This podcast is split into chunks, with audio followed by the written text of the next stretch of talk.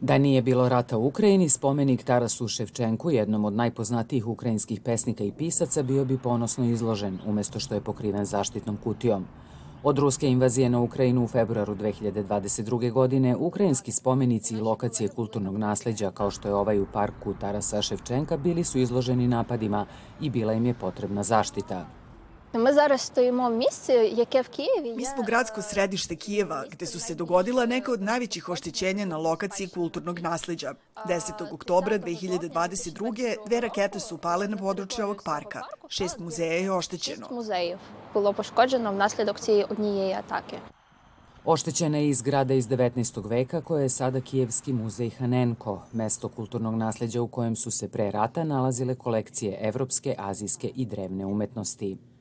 Прибирати кілька днів тонни скла зсередини музею. Nekoliko dana smo ukladnjali i čistili tone stakla iz središnjeg dela muzeja.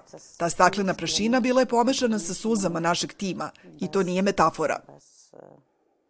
Neprocenjiva kolekcija muzeja nije oštećena. Zaposleni su je premestili na bezbedno mesto na početku rata.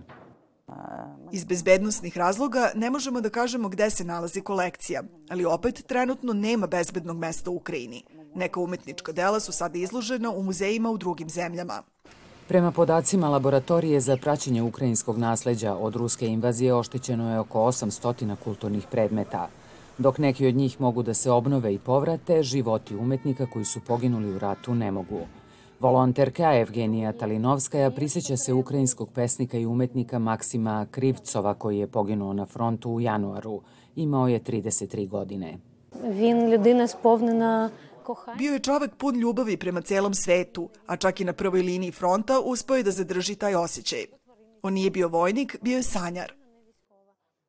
Tokom rata nastavio je da piše pesme i snima fotografije. Talinovska je pomogla da se organizuje izložba njegovih radova.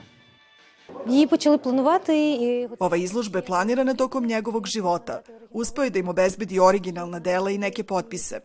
Otvorili smo je dve nedelje posle njegove smrti. виставка і так готувалася, і вона була майже готова. Najmanje 95 ukrajinskih umetnika ubijeno je u ratu, kaže Tetjana Teren, izvršna direktorka PEN Ukrajine, Organizacije za zaštitu kulture i ljudskih prava. Це і письменники, це і фотографи. To su pisci, fotografi, umetnici, režiseri i bibliotekari. Ali ta cifra nije potpuna jer nemamo pristup okupiranim teritorijama. Окупованих територій. Dok PEN Ukrajina štiti nasleđe poginulih umetnika, muzej Hanenko štiti nasleđe nestale umetnosti. Taj muzej organizuje takozvane ture praznih zidova u kojima vodiči govore o remek delima koja bi se nalazila tu da nije bilo rata.